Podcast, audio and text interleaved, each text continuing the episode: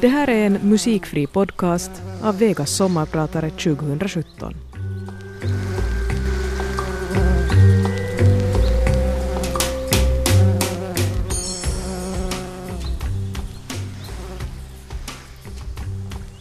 Mina tidigaste barndomsminnen är från bilen.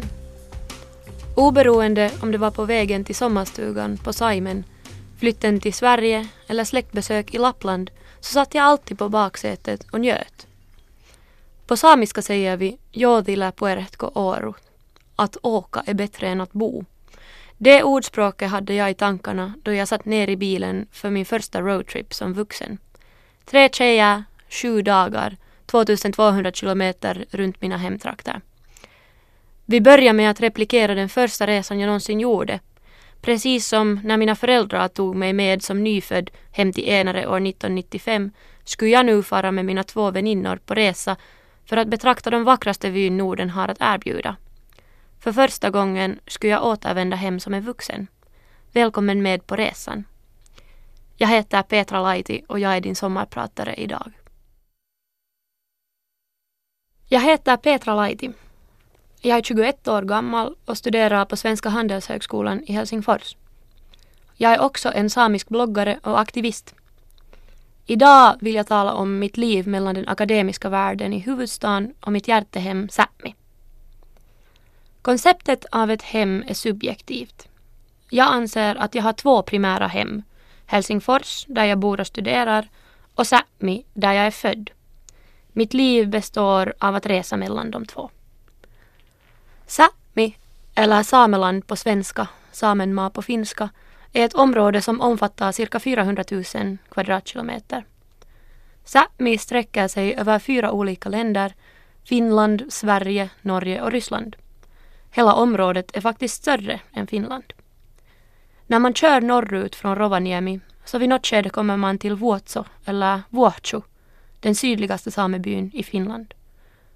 Från och med det börjar Sápmi, ett land som inte syns men som man känner att är där, lite som det samiska folket. Enare, mitt barndomshem och samernas huvudstad i Finland, är en by på 600 invånare. Enare är byggt runt en korsning av vägar som kan ta dig till västra, norra och östra riksgränsen. Mitt barndomshem var byggt ungefär i mitten av korsningen. Kanske det är därför jag också alltid är på väg någonstans och samtidigt alltid på väg tillbaka till Enare. Då man kör dit så finns det en ljuvlig plats på vägen. Man kör förbi Kaxlautanen och Saariselkä där vägen leder över Kilopää fjäll. Vägen kör uppför backen nästan ända till toppen och efter det öppnar sig vyn till en målning av dussintals fjäll flera mil bortåt. Från och med den vyn är jag hemma. Det finns något riktigt speciellt med att vara själv i ratten då vi möts av denna vy på vägen till Enare.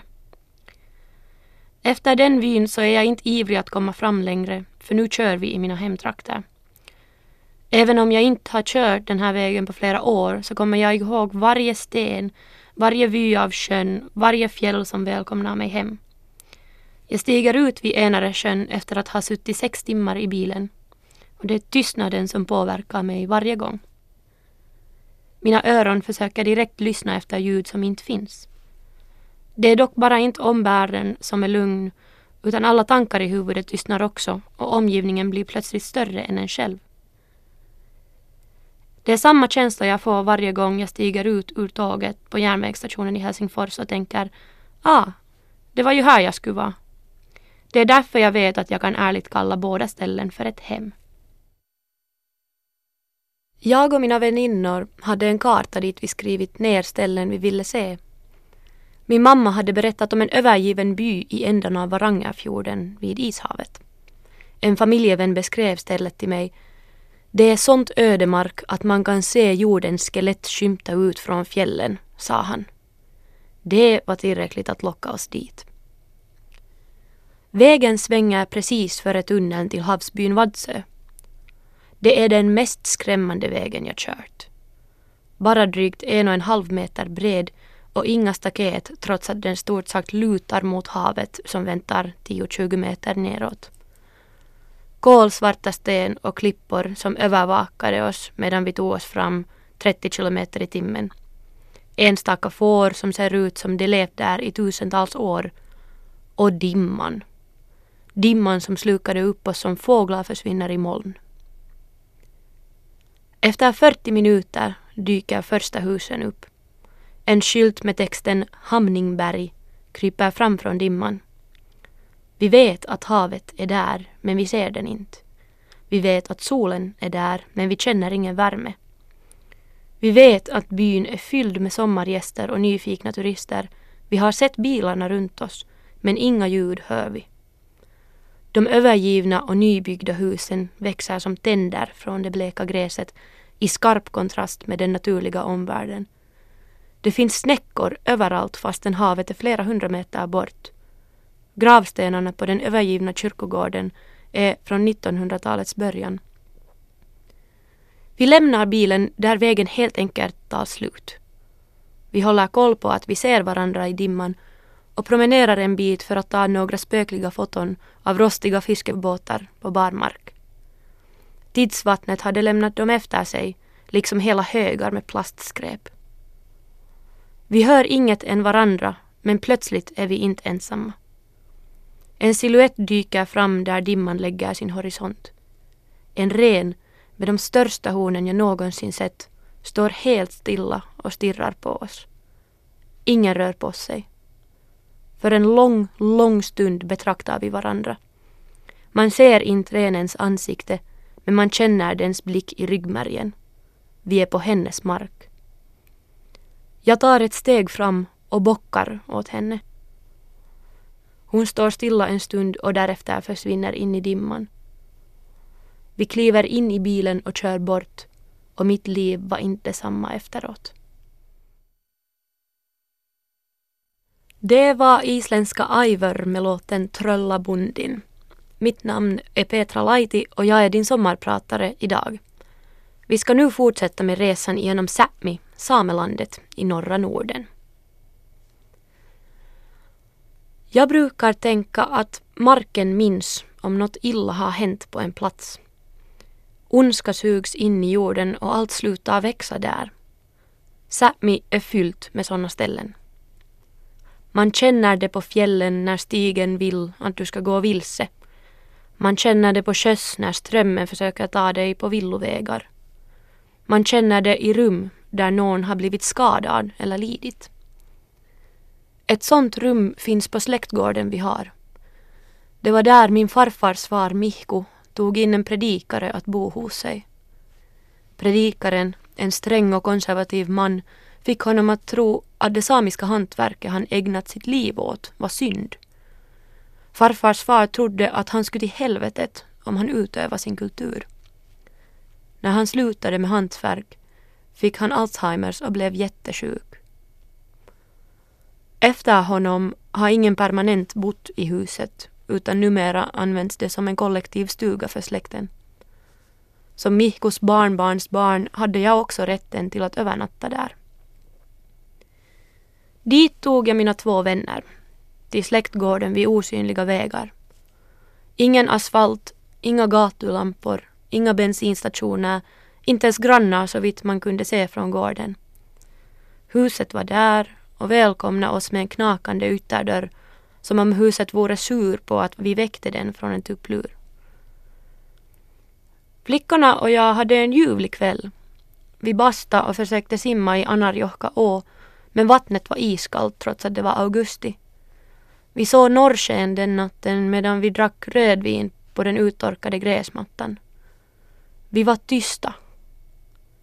Men runt om oss ekade med naturens ljud från skogarna runt om. Världen var i liv och vi satt stilla och lyssnade. På morgonen var det 25 grader varmt och solen sken. Jag gick ut och sittade på trappan utanför dörren med kaffe i handen. Alla andra sov ännu. Jag tänkte på Mihko och hur han hade gett upp sitt hantverk, sitt arv, för en trångsynt predikare som bosatt sig i hans hus, på hans mark och slingrade sig in i Mihkos sinne. Hur rädd måste han ha varit? Det som tröstade mig var att huset kändes lugnt då jag lutade mot dess väggar och drack min kaffe. Det kändes som om huset och jag andades i samma lugna takt som man har då man vaknat från en djup sömn. Kanske huset hade fått sin fred efter att ingen själig smärta bodde där längre. Kanske det var möjligt för ett ställe att komma ihåg ondska som hänt där, men också möjligt att förlåta en ondska som dött. I den samiska kulturen består namnet av ens förfäders namn så att man kan lista ut vem som man är släkt med. Det är så som vi känner till varandra, via våra förfäder. Från och med den morgonen har jag använt mitt samiska namn så mycket jag kan. Så när jag i södra Finland presenterar mig som Petra Laiti, så hemma i Sápmi säger jag Mihku, Ilmara, Mika, Petra. Efter att vi lämnat släktgården bakom oss tog resan oss till norska sidan av Samelandet, till Finnmark. Där är landskapet som tavlor, med höga berg och små byar. Ishavets stränder var bara klippor och grus och vyerna sträckte sig ut så långt att man trodde att bilen inte alls rörde på sig. Alltid nu och då såg man tecken på att man var i det osynliga landet Sápmi. En vägskylt här och en enstaka flagga där visar de små erkännanden att jo, här bor ett skilt folk med ett skilt språk och skild kultur. Detta är det osynliga folkets hemland där de levt i tusentals år. Det råkade sig att vi körde förbi en kyrka just när där var en privat tillställning, kanske ett bröllop. För en kort stund såg vi ett par klädda i samedräkter, i gaktin. Deras silversmycken glimrade vackert i sommarsolen. Mina väninnor var fascinerade medan jag njöt av hemkänslan. Medan vi tog takeaway kaffe från bensinstationen så såg jag mot kyrkan och längtade efter min egna gakti som satt i skåpet hemma i Helsingfors. Jag undrade när jag skulle få chansen att använda den igen. Jag såg på paret i sina festgaktin medan de försvann in i kyrkan och gjorde vår värld osynlig igen. I Helsingfors är det lätt att känna sig osynlig på många olika sätt. Men om det är något som får en synas garanterat så är det att klä gaktin på sig. Som same möter man ofta fördomar och elaka kommentarer men det mest ansträngande för mig är att klä på mig gaktin och gå igenom kampens bussterminal. Terminalen är alltid fylld med folk och det är den mest praktiska rutten att ta när man rör sig i centrum. När jag har haft gakti på mig i Helsingfors har jag upplevt hela skalan av reaktioner som människor öppet visar som om de skulle glömma att jag kan se och höra allt de säger. Folk stirrar, folk pekar, folk skrattar, folk hojtar kommentarer mot mitt håll. I Helsingfors har jag blivit kallad för allt från den småkränkande lappjäveln till rent av smutsig på grund av att ha tagit upp min etnicitet. Vid sådana stunder känns det tufft att försöka göra huvudstaden till ett hem. Och jag älskar Helsingfors med varje fiber i min kropp. Men de fibrerna kan inte leva i ett samhälle där de anses vara smutsiga för att de existerar. Med gaktin på är kommentarerna ändå lite lättare att tåla. När jag har min gakti på så bär jag på mig ett bevis på talangen i min släkt. Gakti på så är jag inte bara ett jag utan ett vi. Min gakti är nämligen gjord från början till slut av min släkt och den fick jag som studentgåva. Så när jag klär på mig min gakti klär jag på mig mitt starkare jag, för då bär jag släkten med mig. Ett par dagar före studentfesten anlände ett massivt paket från Enare och i paketet fanns en hel lista med namn på de i släkten som hade varit med och tillverkat gaktin. Kolten, silken, bälten och silversmycken, allt fanns där. Den gaktin är som mitt andra hy. Normalt så längtar jag efter att fara på resa, att åka hem till Sápmi för att återhämta mina krafter lite. Men när jag har gaktin på så känns det som om hemmet skulle ha kommit och hälsat på mig istället. Under resan gjorde jag och mina väninnor flera besök till mina släktingar och andra familjebekanta. Jag blir alltid lite nervös av släktbesök, Men inte på grund av att jag skulle vara rädd för dem. Det handlar mer om effekten av att tala ett språk som hjärnan inte är van vid att använda i vardagen. Samiska är mitt modersmål, men inte mitt vardagsspråk. Så jag blir alltid lite osäker när jag umgås med folk som talar samiska i vardagen. Mitt samiska talande jag är tystare, mer fundersam, mer känslig för att lyssna på vad andra har att säga. När jag var liten så var det en självklarhet att tala samiska i familjen. Alla i min familj kan samma språk, så våra diskussioner såg oftast ut så här. Pappa talar samiska till familjen, mamma svarar honom på finska och barnen talar någon deras språk beroende på föräldern som det var riktat till. Svenskan kom också in när vi flyttade till Sverige och jag började skolan. I tonåren, skamsligt nog, så var jag inte intresserad av att lära mig samiska mera än vad jag redan kunde. Det ledde till att när jag flyttade hemifrån kunde jag nog tala samiska, men jag kunde varken läsa eller skriva språket. Det var en svår tid. Jag kände mig jätteosäker över min identitet, kände att jag inte var tillräckligt kunnig för att ta ställning i rättighetsfrågor, att jag inte hade rätt att delta. Jag försökte lära mig språket med allt för komplicerade tricks. Jag försökte börja med att läsa samiska nyheter men jag klarade inte av det på flera månader. Jag tänkte då att jag borde gå så långt tillbaks i mina språkstudier att jag skulle hitta nivån där mina språkkunskaper var på den tiden. Så hittade jag mig tillbaks till en hög med gamla VHS på vinden, dit vi hade bandat in Mumin på 90-talet. NRK visade dem i Norge när jag var liten och vi bandade in allt. Alla episoder var på samiska med norsk text vilket tvingade mig att faktiskt lyssna på orden och inte läsa vad Mumin sa. Det var där det började. Från samisk Mumin och en stark känsla av skam. Numera så håller jag på att lära mig grammatiken och jag klarar redan av att skriva hela meningar utan att lunta från nätordböcker. Ändå så är språket en källa av osäkerhet för mig. Inte för att jag inte skulle förstå eller kunna svara, men för att som vuxen har jag lärt mig varför vi inte kan språket längre. Jag känner till historierna om de tvångsflyttade barnen som inte såg sina föräldrar på flera månader. Jag känner människor som blivit fysiskt misshandlade som småbarn för att ha talat språket i skolan.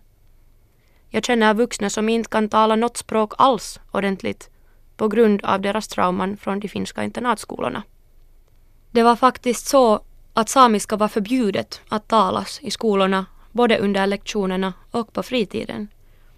Och eftersom de flesta samer var tvungna att bo på internat för att avstånden till skolorna var så långa så blev det så att samiska språk blev nästan utrotade. Och inte bara språket, utan också kulturen. Så varje gång jag inte kan skriva en mening så gör det ont. Varje gång jag lyssnar på musik och inte klarar av att urskilja vad orden är så gör det ont. Och varje gång jag hamnar att använda ett finskt eller svenskt, norskt eller till och med engelskt ord för att få fram vad jag menar så gör det ont. Och speciellt svidande är det att tala med en dialekt som jag vet att inte tillhör det område som jag härstammar från. Nordsamiska kan nämligen uttalas på annorlunda sätt beroende på om man är från östra eller västra Sápmi. Östra brytningen är den jag borde tala, fast ofta glider jag in i den västra istället. Ibland får jag kommentarer från andra samer att jag inte är konsistent med mitt uttalande. Men det kan jag inte hjälpa, för det var den västra brytningen som NRKs Mumin var översatt till när jag var barn. Det är en process Ord för ord, mening för mening, så lär jag mig lite till. Jag känner mig stolt och tacksam över det som jag redan kan och jag vet att jag har haft tur för att jag har alltid kunnat tala samiska. Det är inte en självklarhet i dagens läge. Och fast det gör ont och fast jag känner mig misslyckad allt för ofta så är det ändå en betydlig grej som håller mig motiverad. Nämligen att det som gör ännu mer ont är att vara tyst istället. Och trots allt så finns det inget som får mig att känna mig så hemma som att tala samiska med släktingarna på släktbesök. När vi lämnade bergen bakom oss och anlände till Rovaniemi tågstation så kändes det som om man varit på en annan planet. Det var dags att möta vardagen, att börja studera och jobba igen. Jag var sorglig hela tågresan för jag var övertygad om att inget intressant skulle hända under hela året och att det enda jag skulle lägga min tid på var studier. Jag kunde redan se de långa timmarna framför mig då jag skulle önska att jag hade något att göra. Det var ur den rädslan jag samlade ihop krafterna att söka mig till andra samer i huvudstaden. Och det visade sig att bilresan runt hemtrakterna var bara en introduktion till vad livet skulle kasta framför mig ett år senare. Jag blev varnad att FN blir tufft. Två veckor utomlands betyder två veckor av jobb dygnet runt, sa de. Jag sa att jag vill åka. Så kom flygbiljetterna i mejlet. Jag och två kollegor klev på flyget till Permanent Forum of Indigenous Issues i Förenta Nationernas huvudkontor, New York. Permanent Forum är ett två veckors maratonmöte. Alla urfolk i världen är sammankallade. Vi var bara tre ungdomar från en liten förening i Finland. Chansen att få tala var minimal. Vi satt och väntade på vår tur i flera timmar, men tiden tog slut. Mötet avslutades och vi, tillsammans med många andra, blev uteslutna. Det var en besvikelse, men vi hade inte råd att ge upp. På vägen ut råkade vi stöta på en bekant som tipsar om en öppen frågestund med specialrapportören. Det skulle kunna vara vår chans. Vår bekant erbjöd också att ge oss en liten puff för att förbättra våra chanser, vilket vi tackade ja till. Vi vakade tills två på natten och funderade på vår strategi. Vi skrev om hela talet. Vi tog tid på hur länge det tog att säga allt vi ville. Vi skrev allt om igen. Tog tid igen. Ingen sov ordentligt.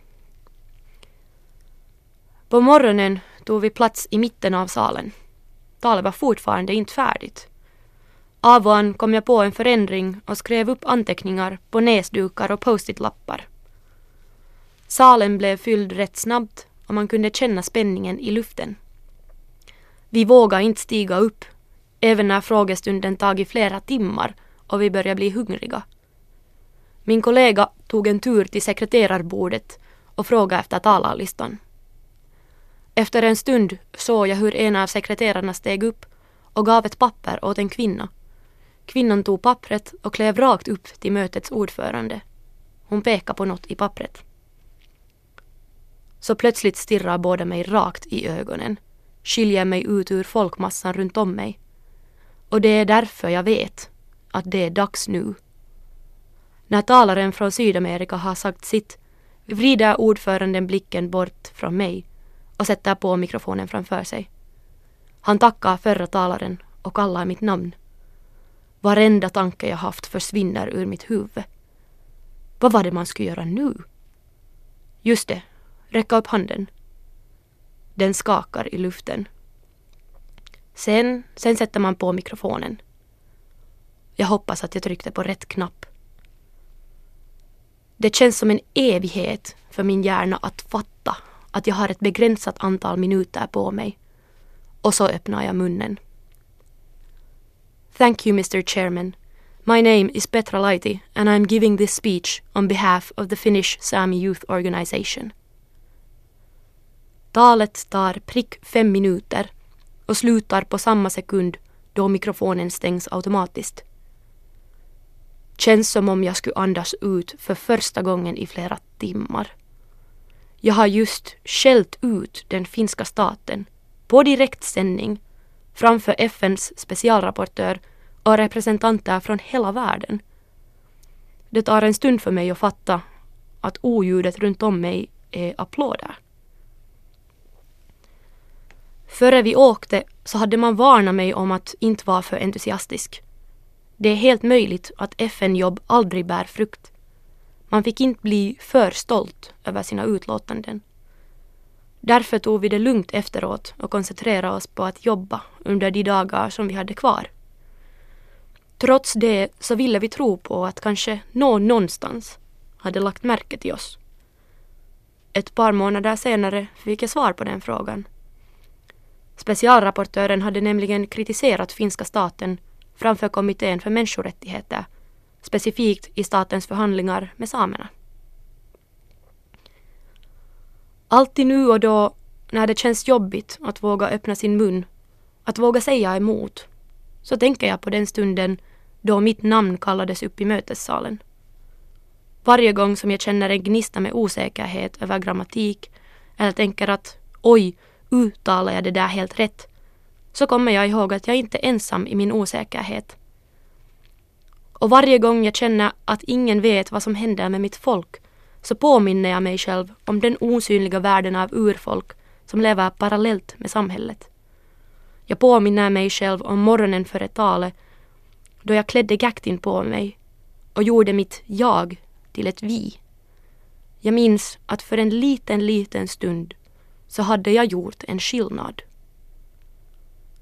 Mitt namn är Petra Laiti, Mihko Ilmara Mika Petra, samen från Enare, aktivisten i Helsingfors. Och jag har varit din sommarpratare idag.